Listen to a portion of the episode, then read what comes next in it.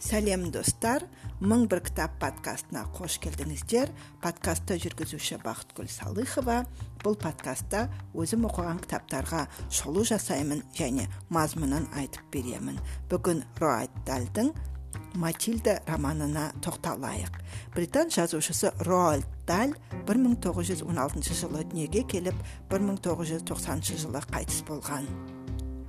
Оның матильда романы 1988 жылы жарық көрді. Кітап 232 беттен тұрады және иллюстрациясын квентин блейк салған еді. Роман желісі бойынша режиссер дэнни девита комедия жанрында кино түсірді. Фильмнің слоганы әр адамның әлемді өзгертуге мүмкіндігі бар фильмнің премьерасы 1996 жылы 28 шілдеде болды. Матильда бес жасар өте ақылды дарынды бала бірақ ата анасы оны топас деп есептейді романның басында автор ата аналар туралы ой толғайды ол әзіл шыны аралас былай дейді дегенмен ата аналар біртүрлі адамдар әпенді десе де болады балалары әлемдегі ең жексұрын оңбаған болса да олар бәрібір оны әлемдегі ең күшті бала деп айтады. Оған қоса олар өздерінің баласының сөзсіз данышпан екеніне сендіріп те қойған ғой. Әрине бұнда тұрған жамандық жоқ болар. Адамдардың болмысы сондай ғой. Бірақ ата аналар баласының елден ерек қабілеттерін сипаттай бастағанда құсып жіберетін леген сұрағаннан басқа амалыңыз қалмайды. Мектеп мұғалімдеріне де оңай емес. Олар тым тәкаппар ата аналардың осындай мақтанған толы сандырағын тыңдауға мәжбүр. Бірақ олар кімнің кім екенін және қолынан не келетінін біледі ғой. Автор әрі қарай бұдан да басқа күлкілі ойларын айта отырып романның кейіпкерлері мистер және миссис ворнвудтың ұлы мен қызы бар екенін айтады. Ұлының аты майкл ал қызының аты матильда. Қызына олар мүмкін болған сәтте сарт еткізуге болатын шыбын шіркей сияқты қарайтын. Ата ананың баласына тек қана ыңғайсыздық тудыратын жаратылыс ретінде қарауы сұмдық болса осындай ата анасы бар ақылды табиғатынан қағылез елгезек қайырымды балаға тіптен де қиын. Матильда дәл сондай бала еді. Ол барлық нәрсені тез қағып алатын қабілеті зор өткір ойлы бала болатын.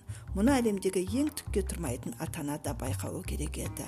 Бірақ оның ата анасы емес олар оны байқамайтын. Олар өздерінің күнделікті өмірімен әуре болғандықтары сонша қыздарына тіпті де назар аудармайтын. Матильданың ағасы барлық бала сияқты еді. Бірақ матильда ерекше қыз. Ол бір жарым жасында жақсы сөйлеп сөздік қоры мол үлкен адамдардікіндей бірдей еді. Ата анасы мұны мақтан тұтудың орнына одан тым көп шу шығады. Және қандай сөзсең деп оған бетегеден биік жусаннан аласа болуын талап етеді. Үш жасында матильда үйде әр жерде шашылып жатқан газет журналдар арқылы өз бетінше оқып үйренеді. Төрт жасында тез және жақсы оқитын сондықтан оған кітап керек болды. Өз үйінен тек анасының кулинар кітабын тапқан матильда оны басынан аяғына дейін оқып шығады және барлық тамақ мәтелерін жаттап алады. Оған енді бұдан да қызық кітаптар керек еді.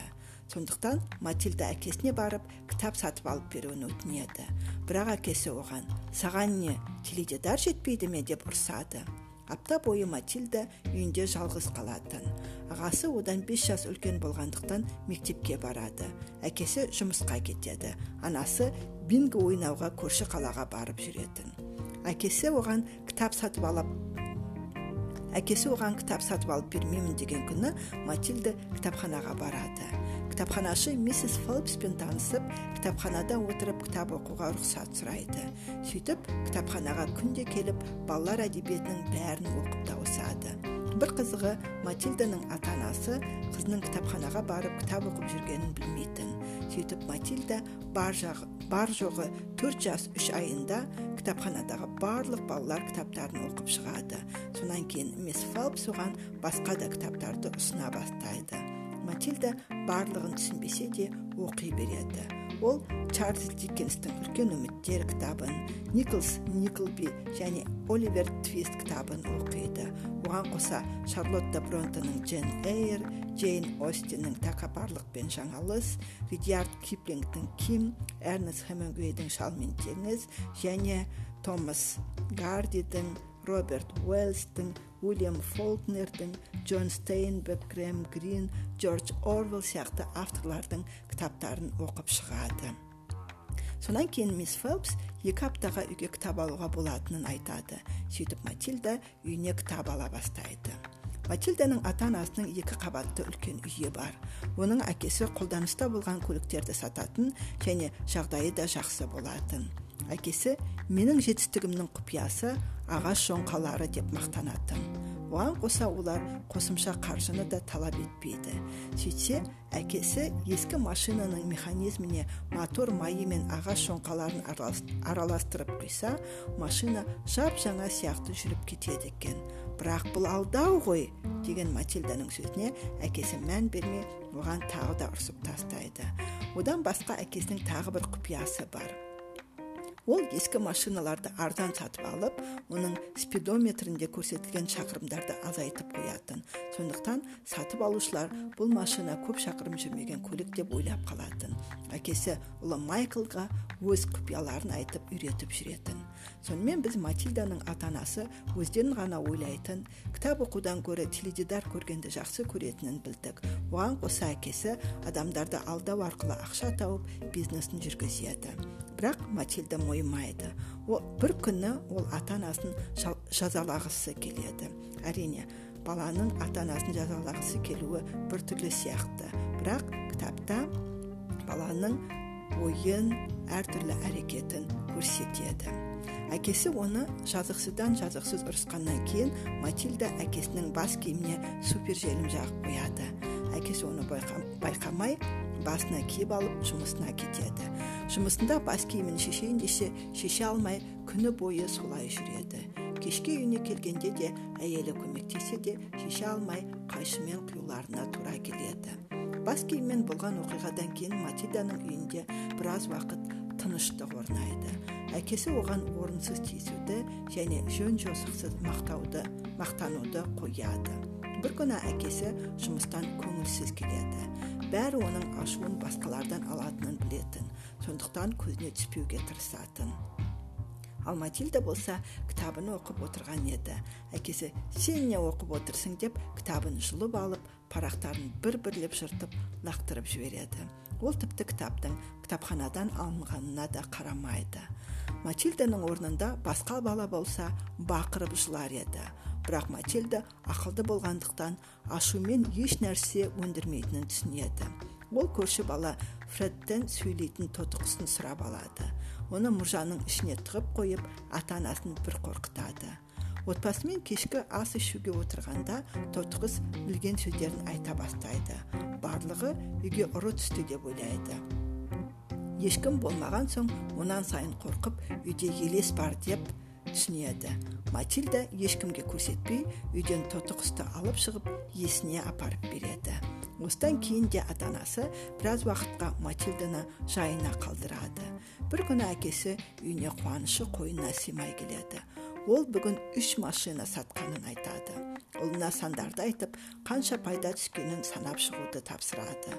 Ұлы барлығын жазып алып есептейін деп отырғанда матильда бәрін тез есептеп қойғанын айтады. Ол дұрыс санды айтқанда әкесі оған сенбей алдын ала оның блокнотына қарап қойған ғой деп қызына тағы ұрса жөнеледі.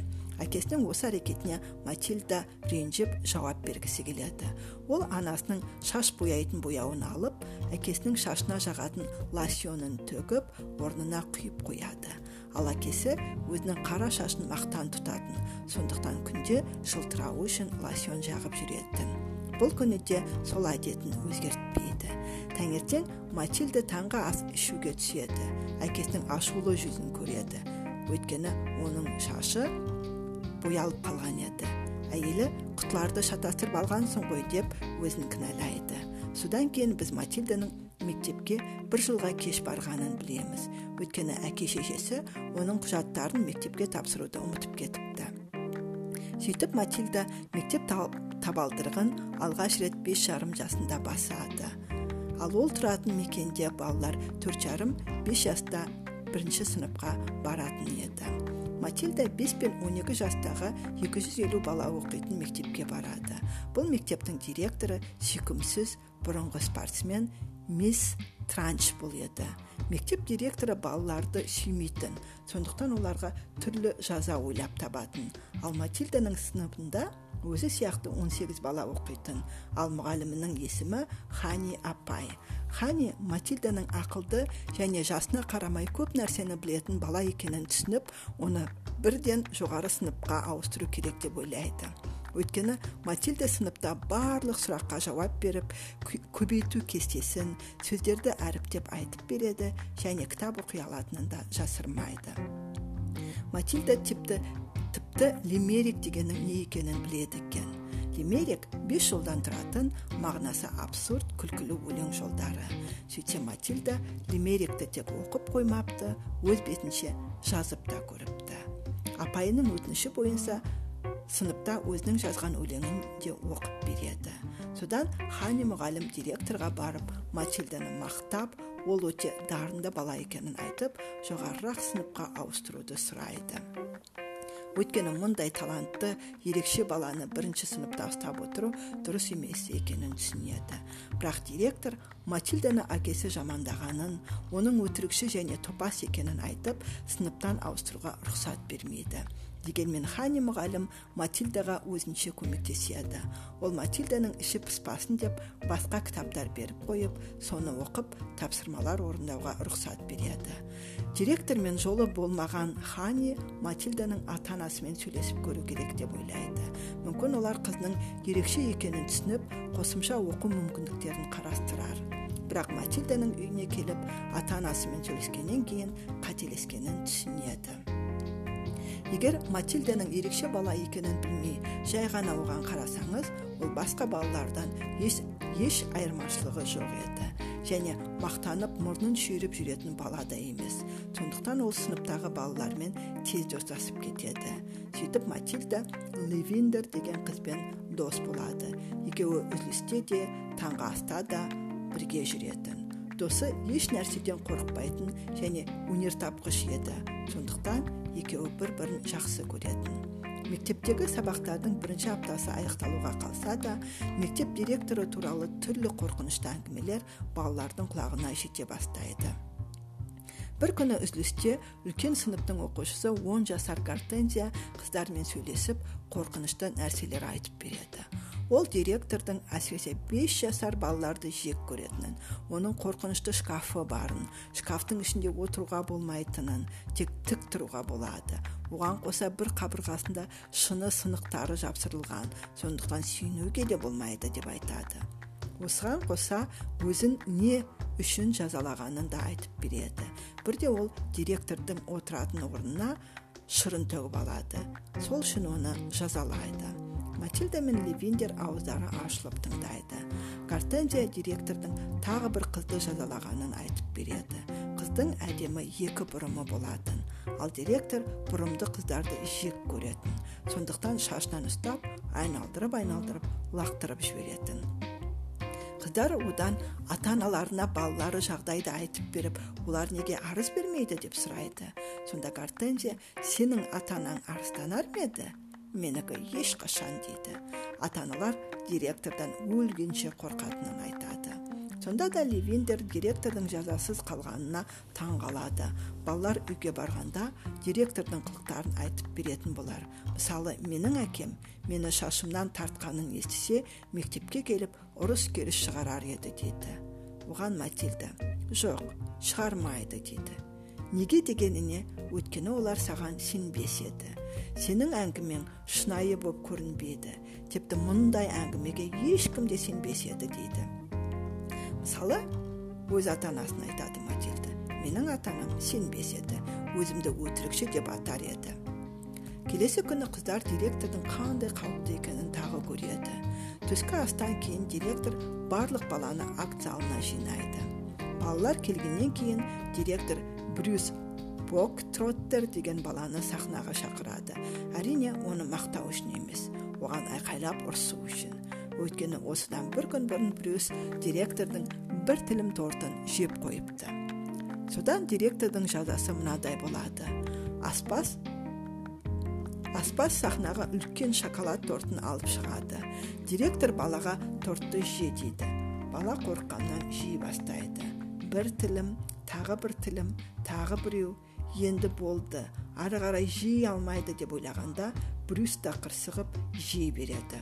Содан залда отырған балалар оған берілме сенің қолыңнан келеді деп оны қолдай бастайды. Брюс жалынып жалбарынып кешірім сұрамай тортты соңғы тіліміне дейін жеп қояды. Залда отырған балалар оны қошеметтеп қуаныштан айғайлай бастайды. Бұл жеңіс еді жыл басында хани мұғалімі түстен кейін әр бейсенбі сағат екіде директор сыныптарына келіп сабақ өткізетінін айтқан. Директор сыныпқа келіп балалардың білімін не үйренгенін тексеретін. Хани балаларға директор өте қатал сондықтан онымен сөз таластырмай айтқанын істеу керектігін сұрағына жауап беріп оны күлдіруге және ашуландыруға тырыспауларын айтады. Оған қоса сыныпта ылғи су мен стақан тұруы керек. Олай болмаса директор сабақ өткізбейді екен. Кім суға жауапты болады? дегенде ливиндер қол көтеріп осы жауапкершілікті өзіне алады. Оның бір ойлағаны бар еді. Левиндердің миы қатты жұмыс істеп батыл бір әрекет жасағысы келеді. Сондықтан ол үйінің қасындағы тоғаннан құйрықты бақаны ұстап алып мектепке әкеледі. Құмыраға су құйып ішіне тритонды яғни құйрықты бақаны салып жібереді. Левиндер бұл құпиясын матильдаға тіпті бүкіл сыныпқа айтып бергісі келеді. Бірақ соңында ешкімге айтпайды. Сағат екі болады. Бейсенбі күні. Хани апай балаларды тексеріп шығады. Балалар да суда орнында еді. Бір кезде директор келіп сабақ басталады. Ол өзіне дұрыс тіл қатпаған балаға ұрсып бұрышқа тұрғызып қояды. Содан ең ұзын сөзді алып оны әріптеп айтып шығуды тапсырады. Балалар ол тапсырманы да орындайды. Өйткені хани апайы әндетіп әріптеп әріптерді жаттауды үйретіп қойған еді. Одан кейін сыныптағы руперт деген баладан екіде жеті неше болады деп сұрайды. Руперт шатасып 16 дейді. Директор оған ұрса бастайды. 14 14 болады деп шашынан көтеріп ұстап тұрады директор. Жіберіңіз оны жіберіңіз деп хани апайы араша түседі. Директор кішкентай балаларды жек көретінін айтады. Сонда бір оқушы сіз де кішкентай болдыңыз ғой деп айтып қалады. Мен бе? Жоқ мен ешқашан кішкентай болмадым дейді директор. Одан ары қарай кроссворд сөзін әріптеп айтып шығуды тапсырады. Эрик жауап беріп бір әріптен шатасқанда директор құлағынан тарта бастайды. Содан сыныпта ұрсып жүріп директор диккенстің кітабын айтады. Оны сендер оқымадыңдар дегенде матильда жоқ оқыдым деп жауап береді. Директор оны орнынан тұрғызып аты жөнін сұрайды. Айтқан кезде сенің әкең ұры және алаяқ деп айғайлайды. Өйткені сатып алған машинасы сынып қалып ішінен ағаш жоңғалары шыққан еді. Матильдаға тыныш отыр деп ұрсып болған соң директор мұғалім үстеліне отырады. Қолына құмыраны алып стақанға су құяды. Сумен бірге тритон да құйылады. Тритонды көрген директор айғайлап орнынан атып тұрады. Қалш қалш еткен директор бұл жылан ба крокодилдің баласы аллигатор деп жан жақтан айғайлап жатқан балалардың дауысын естиді. Директор бір кезде матильда деп қатты дауыстайды. Ол бұны істеген матильда екеніне сенімді. Бірақ ол мен істеген жоқпын деп айтқанынан қайтпайды. Матильда ашу ызаға булыға бастап ойша стақанды директорға қарай төге салғысы келеді. Осы кезде бір қызық жағдай бола бастағанын сезеді. Матильда стақаннан көзін алмай қарай береді қарай береді қарай береді. Көзі ыстық энергия бөлгендей ол ішінен төңкеріл аударыл деп жатады. Сөйтіп стақандағы су мен тритон директорға барып төгіледі. Тритон директордың үстіне жабысып қалады. Директор қорыққаннан қатты сілкіген кезде тритон ұшып барып левиндердің қасына түседі. Ал ол болса оны жаймен алып пеналына салып қояды. Осыдан кейін директор тағы да осыны істеген матильда деп айғайлай бастайды. Бірақ ол да оқушылар да хани мұғалім де матильданың орнынан тұрмағанын айтып ол істемегенін дәлелдеуге тырысады. Сөйтіп еш нәрсені дәлелдей алмаған директор сыныптан шығып кетеді. Матильда өзінің жаңа күшінен аздап қорқып бірақ бұл күші туралы біреуге айту керек болады. Содан хани мұғалімге келіп көзімен стақанды аударып тастағанын айтып береді. Сонда мұғалімі қазір қайталап көрсете аласың ба? деп сыныпқа алып келеді. Олар үстелге бос стақанды қояды. Матильда екінші қатарда үш метр жерде отырады. Көзімен стақанға қарап оны құлатады. Бұл жолы тезірек болды дейді матильда содан кейін мұғалімі оны үйге шай ішуге шақырады матильда мисс ханидің алыста және өте кедей тұратынын көреді оған қоса оның оқиғасын да естиді сөйтсе хани апайының анасы сонан кейін әкесі қайтыс болады. Ал ханиді тәтесі асырауға алады. Оны қорқытып үркітіп тәрбиелейді құл сияқты жұмсайды. Соңында ханидің үйі мен байлығын алып қояды екен. Ең соңында матильда хани мұғалімнің тәтесі директор транчбул екенін естиді. Осыны естіген матильда хани мұғаліміне үш сұрақ қояды. Сіздің әкеңізді қалай атайтын? Магнус ал әкеңіз директорды қалай атайтын? Агата екеуі сізді қалай атайтын? Дженни осыны біліп матильда қоштасып үйіне қайтады. Үйіне келгенде матильда мұғаліміне көмектесу жолын ойластырады. Ол айнаның алдына отырып заттарды қозғалтады. Бұл жолы қозғалту үшін үлкен сигараны алады. Одан соң затты көтеріп ауада ұстап тұруға жаттығады. Осы жаттығулардан кейін ол шаршап ұйықтап қалады. Келесі бейсенбі күні келеді. Бүгін директор сабақ өтуге келуі керек. Мұғалімдер оқушыларға өздерін жақсы ұстау керек екенін естеріне салады. Директор сыныпқа келіп үшті санға көбейту кестесін кері айтуды сұрайды. Бірақ оқушы бала біз кері көбейтуді өтпеге өтпедік деп айтады. Директор мұғалімге балаларға түк үйретпепсің деп ұрсады. Сонан соң бір балаға мынадай есеп береді жеті алма жеті апельсин жеті банан бар менде барлығы қанша жеміс бар дейді бала бұл көбейту емес қосу тапсырмасы ғой дегенде оған да ұрса жөнеледі үшті жетіге көбейтсең жиырма бір болады дейді тағы бір есеп беріп жатқанда барлығы бор бор деп айғайлайды сөйтсе директордың артында тақтада бор өзінен өзі сөз жаза бастайды барлығы тақтадан көз алмайды. Ал бор болса агата бұл магнус бұл магнус. Бұған сенуіңе тура келеді. Менің дженниеме ақшасын қайтар үйін қайтар. Бұл жерден кет. Егер осылай істемесең маған істегеніңді өзіңе жасаймын. Мен сені бағып отырмын деген сөздерді бәрі оқиды. Бір кезде директор еденде ес түссіз жатыр екен оны мұғалімдер келіп сыныптан алып кетеді. Осы күннен кейін бірнеше күн өтеді. Мектеп директорының жоғалып кеткені туралы хабар тарайды. Оны тіпті үйіне барып іздейді содан кейін мисс хани адвокаттан хат алады. Хатта ақшасы мен үйі қайтарылатыны айтылады. Екі үш аптада ол өз үйіне қайтып барады. Мұғаліміне қонаққа барған матильда өзінің ерекше қасиеті заттарды жылжыту қасиеті жоқ болып кеткенін айтады. Және бұған ол өте риза еді.